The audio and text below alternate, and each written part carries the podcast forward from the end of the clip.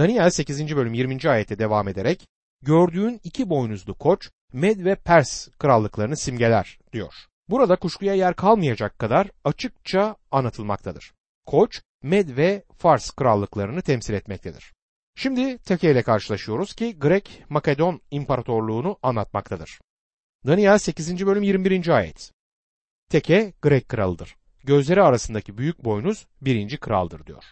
Buradaki Teke Yunan ilinin kralı büyük boynuzda ilk kralları Büyük İskender'dir. Daniel 8. bölüm 22. ayette kırılan boynuzun yerine çıkan dört boynuz, ulusundan çıkacak dört krallığı simgeliyor. Ama ilk kral kadar güçlü olmayacaklar der. Başka deyişle bu kralların hiçbiri Büyük İskender'in gücüne sahip olmayacaklardır. Dördüncü olarak küçük boynuzu görürüz. Antikus Epipanes'tir bu. Daniel 8. bölüm 23. ayet. Bu dört krallığın sonu yaklaşıp yapılan kötülükler doğruğa varınca sert yüzlü ve aldatmada usta bir kral ortaya çıkacak. Denmektedir ki bu küçük boynuz Suriye'yi alan Selefkosların soyundan gelen Antikus Epipanes'tir. Bu ayetlerin ve tarihteki gerçeklerin tek yeterli açıklaması bu adamın şeytanla işbirliği halinde olmasıdır. O bu anlamda gelecek olan Mesih karşıtının da bir resmi gibidir. Rab İsa da şu sözleri ona gönderme yaparak söyler. Matta 24. bölüm 24. ayet. Çünkü sahte mesihler, sahte peygamberler türüyecek. Bunlar büyük belirtiler ve harikalar yapacaklar. Öyle ki ellerinden gelse seçilmiş olanları bile saptıracaklar. Daniel 8. bölüm 24. ayette devam ederek kendisinden gelmeyen büyük bir güce kavuşacak. Şaşırtıcı yıkımlar yapacak. El attığı her işte başarılı olacak. Güçlüleri ve kutsal halkı yok edecekler. Kutsal halk İsrail'i kastetmektedir. Antikus Epiphanes tarafından bu insanların yok edilmesi hemen hemen inanılmaz gözükmektedir. O Hitler kadar kötüydü. Bununla birlikte o gelecek olan Mesih karşıtının da gölgesidir ve onunla ilgili olarak şu sözler söylenir. Vahiy 13. bölüm 7. ayet. Kutsallarla savaşıp onları yenmesine izin verildi. Canavar her oymak, her halk, her dil, her ulus üzerinde yetkili kılındı. Daniel 8. bölüm 25. ayette yapacağı işleri aldatarak başaracak. Kendisini yükseltecek. Güvenlikte olan birçoklarını yok edecek. Önderler önderine karşı duracak ama kendisi insan eli değmeden yok edilecekler bu kişiyle ilgili. Antikos gelecek olan bu kralın soluk bir gölgesiydi. Bu kral Antikus'un yaptıklarından çok daha büyük çapta dört şey yapacaktır. Birincisi yapacağı işleri aldatarak başaracaktır ya da eski çevreyle elindeki hileyi semereli kullanacaktır. Vahiy 13. bölüm 17. ayette canavarın işaretini taşımayanların alışveriş yapamayacağını okuyoruz. Öc alma isteğiyle ekonomiyi kontrol altına alacaktır. İkinci olarak kendisi yükselecek yani yüreğinde büyüyecektir. Vahiy 13. bölüm 5. ayette ona sövgü sözleri söyleyen bir ağız verildiği belirtilir. Ona 42 ay süreyle devam etme gücü verilecektir. Alçak gönüllülük Mesih karşıtının bir özelliği olmayacaktır. O şeytana benzer şekilde gururla dolu olacaktır. Üçüncü olarak ise güvenlikte olan birçoğunu yok edecektir. O bir kuzu gibi gelip aslan gibi gitmektedir. Vahiy 6. bölümde geçen beyaz atın binicisidir. Ancak onun hemen ardından kızıl atın binicisinin geldiğine dikkat edin. Onun getirdiği barış yalancıdır. Dördüncü olarak önderler önderine karşı duracak deniyor. Gördüğünüz gibi Mesih'e karşı gelip savaş açacaktı. Vahiy 13. bölümdeki birinci canavarın ve Mesih karşıtının özelliklerinden birisi ise onun Mesih'e karşı savaşmasıdır. Daniel 8. bölüm 26. ayette akşam ve sabahla ilgili sana bildirilen görüm gerçektir. Ama sen görümü gizli tut. Çünkü uzak bir gelecekte ilgilidir diyor. Daniel'e bu görümün uzak bir gelecekle ilgili olduğu söylenir. Çünkü çok ileriki günler içindir. Daniel 8. bölüm 27. ayette ben Daniel günlerce bitkin ve hasta kaldım. Sonra kalkıp kralın işlerini yapmayı sürdürdüm.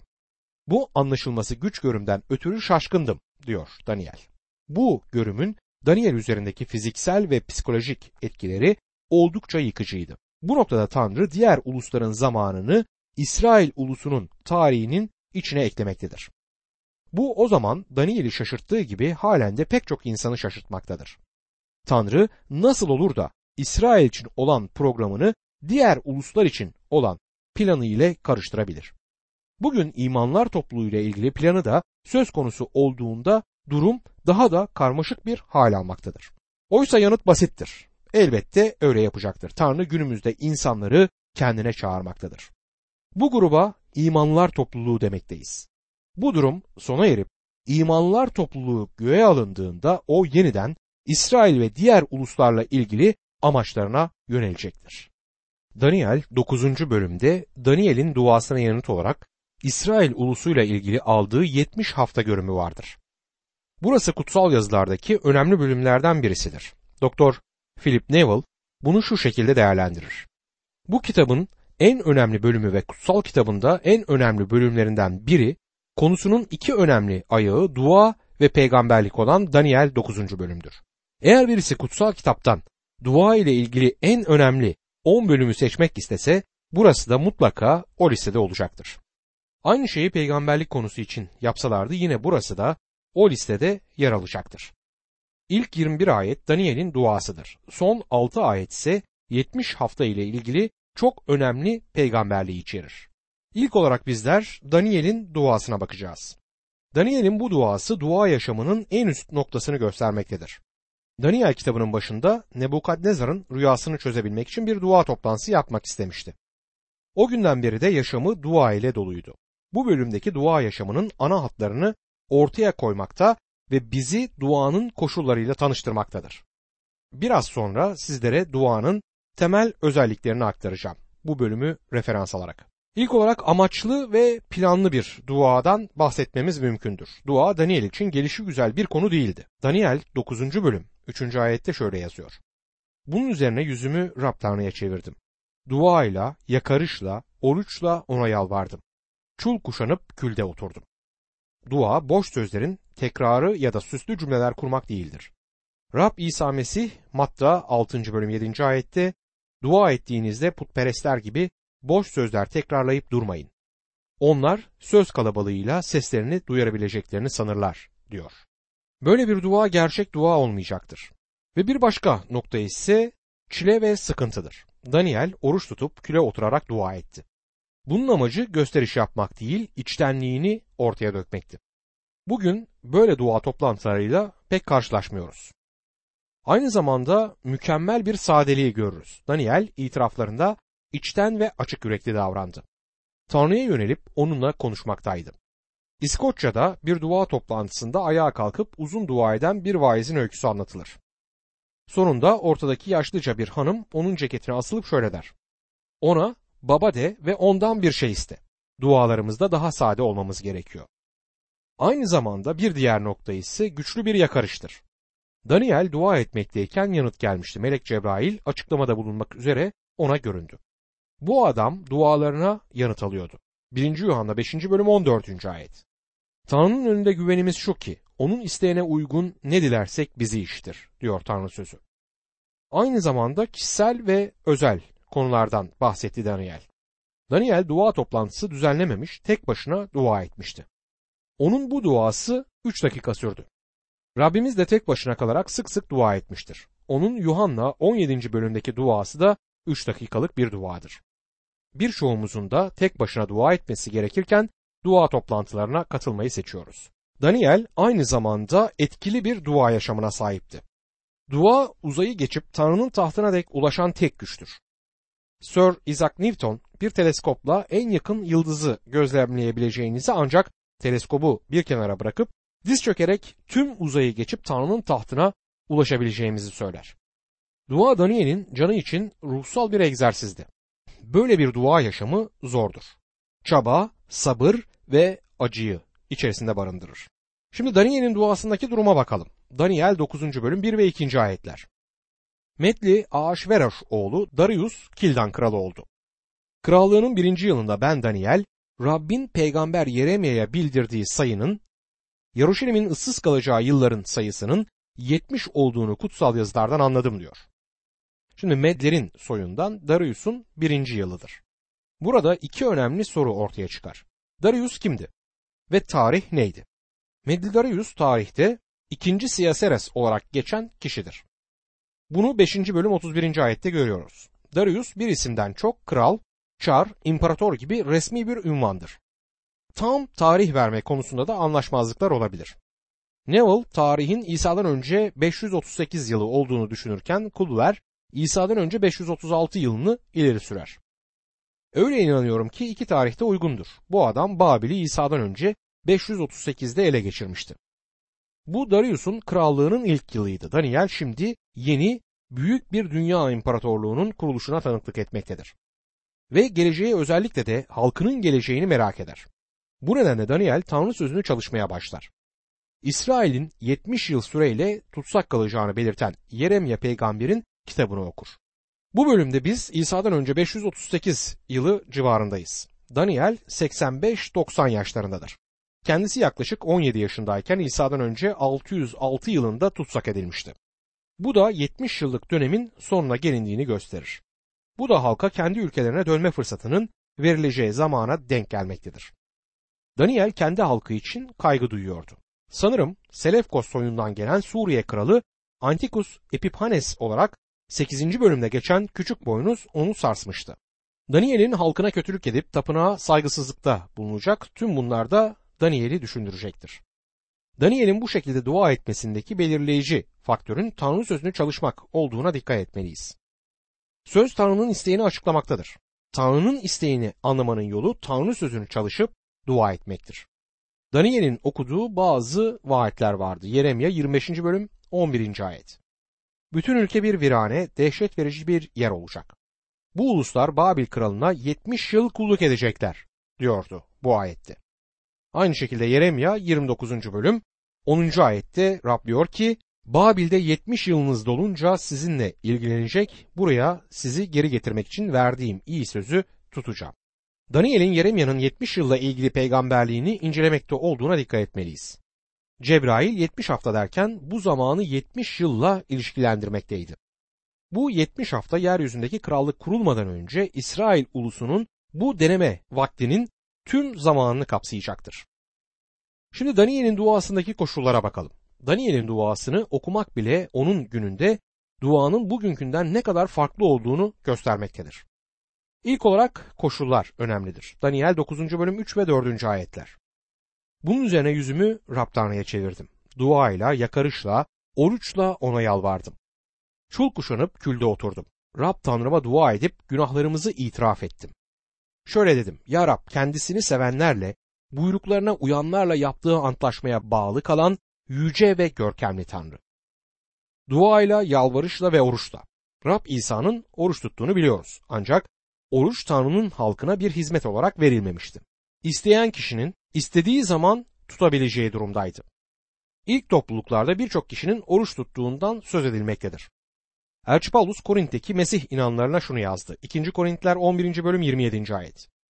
Emek verdim, sıkıntı çektim. Çok kez uykusuz kaldım. Açlığı, susuzluğu tattım. Çok kez yiyecek sıkıntısı çektim, soğukta çıplak kaldım. Daniel duada amaçlı ve devamlı olmak gerektiğini göstermiştir. Yakup bile duasında şöyle yakarıyor. Yaratılış 32. bölüm 26. ayet. Adam bırak beni gün ağırıyor dedi. Yakup beni kutsamadıkça seni bırakmam diye yanıtladı. Daniel'in bu duası oldukça kişisel bir duadır. Ben, biz, bizim zamirlerimizden de anlaşıldığı gibi kendisi ve halkı ile ilgili bir duadır.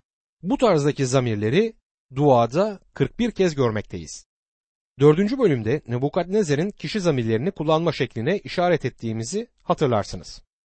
Peki buradaki fark nedir? Nebukadnezar için bu gurur ve böbürlenme işaretiydi. Daniel'in bu zamirleri kullanış şekli tümüyle farklıdır. Onunkiler Nebukadnezar'ın kendisini övmesinin tersine alçak gönüllülüğü ve itirafları içerir. Daniel Tanrı'nın önünde yüzüstü yere kapanmıştır. Tanrı'nın özelliklerini tanımlar. İlk olarak onun Tanrı ile kişisel ilişkisindeki rahatlığını görüyoruz. Ona Tanrım diyerek kişisel bir şekilde yaklaşmaktadır. İtirafta bulunmadan önce Tanrı'nın yüceliği üzerinde durur. Yüce ve görkemli Tanrı derken onun saygıdeğer olduğunu belirtmektedir. Kimse Tanrı ile oyun oynayamaz. Daniel Tanrı'nın kendisini sevenlere olan merhametini ve onlarla yaptığı antlaşmalara uyduğunu dile getirir. O yalnızca vaat etmekle kalmaz, vaatlerine de sadık kalır. O değişmezdir, dolayısıyla da sadıktır. Aynı zamanda merhamet tanrısıdır. İsrail ulusunun korunması da onun merhameti sayesinde olmuştur. Sizin ve benim şu ana dek varlığımızı sürdürebilmemizin de onun merhameti sayesinde olduğunu söylemek istiyorum. Bizi kurtarması da onun merhameti sayesinde gerçekleşti. Ağıtlar 3. bölüm 22. ayette Rabbin sevgisi hiç tükenmez, merhameti asla son bulmaz der. Tanrı lütufkardır ancak bizden itaat beklemekte ve bizim dürüst olmamızı istemektedir. Şimdi Daniel'in günahını nasıl itiraf ettiğine dikkat edelim. Daniel 9. bölüm 5 ve 6. ayetler. Buyruklarından, ilkelerinden ayrılıp günah, suç işledik. Kötülük yaptık, baş kaldırdık. Senin adına krallarımıza, önderlerimize, atalarımıza, ülkedeki bütün halka seslenen kulların peygamberleri dinlemedik. Diyor ki biz suç işledik. Daniel Tanrı'ya karşı isyan edip tutsak düşen İsrail'deki halkıyla kendisini bir tutmaktadır. Bu itirafta çok açık görünüyor. Her günahı tek tek sayıyor. İlkelerinden ayrıldık, günah işledik, suç işledik, kötülük yaptık ve baş kaldırdık diyor. Aynı zamanda peygamberleri de dinlemedik. Hiçbirini unutmadan hepsini sıralamaktadır. Bence biz de günahlarımızı itiraf ederken böyle yapmalıyız. Tanrı'ya yönelip günah işledim demek yeterli değildir. Tam olarak ne yaptığımızı Tanrı'ya söylemeliyiz. Eşim beni bakkala gönderirken bakkaldan yiyecek bir şeyler al demez. Almam gerekenlerin listesini verir. Listedekileri tek tek almam gerekir. Günahlar itiraf edilirken de böyle açık ve seçik olmamız gerekir. Ona açıkça bunları sıralamamız gerekir. Bunu yapmak zor gelebilir ancak ona itiraf etmemiz gereken ve zaten o da bu itirafların ne kadar zor ve çirkin olduğunu bilir. Ona bu itirafları açık ve dürüst bir şekilde yapmalıyız ve açıkça Rab'be yaklaşmalıyız. Daniel 9. bölüm 7. ayet Sen adaletlisin ya Rab. Sadakatsizliğimiz yüzünden bizi uzak yakın ülkelere sürdün. Oralarda yaşayan biz Yahudiler, Yarışilim halkı, İsrailliler bugün utanç içindeyiz diyor. Sadakatsizliğimiz yüzünden bizi uzak ve yakın ülkelere sürdün. Yahudi ulusu dağılmıştı ancak kaybolmuş bir soy değildi. Kaybolan bir soy olmadılar. Kaybolan bir soydan ya da ırktan söz etmek yanlış. Kavmin bir bölümü Babil'de Daniel'in yanındaydı. Bir bölümü ise uzaklardaydı ancak o onların nerede olduğunu biliyordu. Kaybolduklarını değil, dağıldıklarını söyler. Sana karşı sadakatsizlik gösterip hainlik ettikleri için kendilerini başka başka ülkelere sürdün der. Daniel 9. bölüm 8 ila 14. ayetler. Evet ya Rab, bizler krallarımız, önderlerimiz, atalarımız sana karşı işlediğimiz günah yüzünden utanç içindeyiz. Sana karşı geldiğimiz halde sen acıyan, bağışlayan Tanrımız Rab'sin. Tanrımız Rabbin sözüne kulak vermedik. Kulları peygamberler aracılığıyla bize verdiği yasalara uymadık. Bütün İsrail halkı yasana çiğnedi. Sırtını sana dönüp seni dinlemek istemedi. Bu yüzden Tanrı kulu Musa'nın yasasında yazılan lanet başımıza yağdı. İçilen ant yerine geldi. Sana karşı günah işledik. Üzerimize büyük yıkım getirerek bizim ve bizi yöneten, önderlerimiz için söylediğin sözleri yerine getirdin. Yarışilimin başına gelen, göğün altındaki başka hiçbir kentin başına gelmemiştir. Musa'nın yasasında yazıldığı gibi bütün bu yıkımlar başımıza geldi. Buna karşına ey Tanrımız Rab, suçumuzdan dönüp senin gerçeklerine yönelerek lütfunu dilemedik. Rab üzerimize yıkım göndermekten caymadı. Çünkü Tanrımız Rab yaptığı her şeyde adildir. Bizse onun sözüne kulak vermedik. Buraya kadar Daniel'in Tanrı'nın iyiliğiyle İsrail'in günahı arasındaki karşıtlığı nasıl ortaya koyduğunu fark etmenizi isterim. Tanrı'nın doğruluğu ile onların utancını karşılaştırmaktadır. Tanrı'ya karşı suç işlediklerinden dağılmışlardı. Aldıkları cezayı hak ettiler. Tanrı onları tutsaklığa göndermekte haklıydı. Tanrı haklıydı, yanlış olan ise onlardı. Dostum eğer Tanrı'ya gider ve günahınız için bahaneler üretip ona Rab zayıf olduğumu ve koşullarımı biliyorsun derseniz günahınızı Tanrı'ya yüklemiş olursunuz. O zaman Tanrı'ya sen hata yaptın. Tüm bunları dikkate almalıydın demiş oluruz. Bana çok sert davranıyorsun ve bu konuda yanlışsın. Sevgili dostum hepimiz layık olduğumuz karşılığı alıyoruz. Tanrı'ya gidip günahlarımızı itiraf etmemiz gerekir. Günümüzde bazıları Tanrı'nın yaptıklarında hatalı olduğunu ima ediyorlar. Tanrı değil bizler hatalıyız. Biz de Tanrımıza dua ile yaklaşırken Daniel'in tutumunu örnek almalıyız.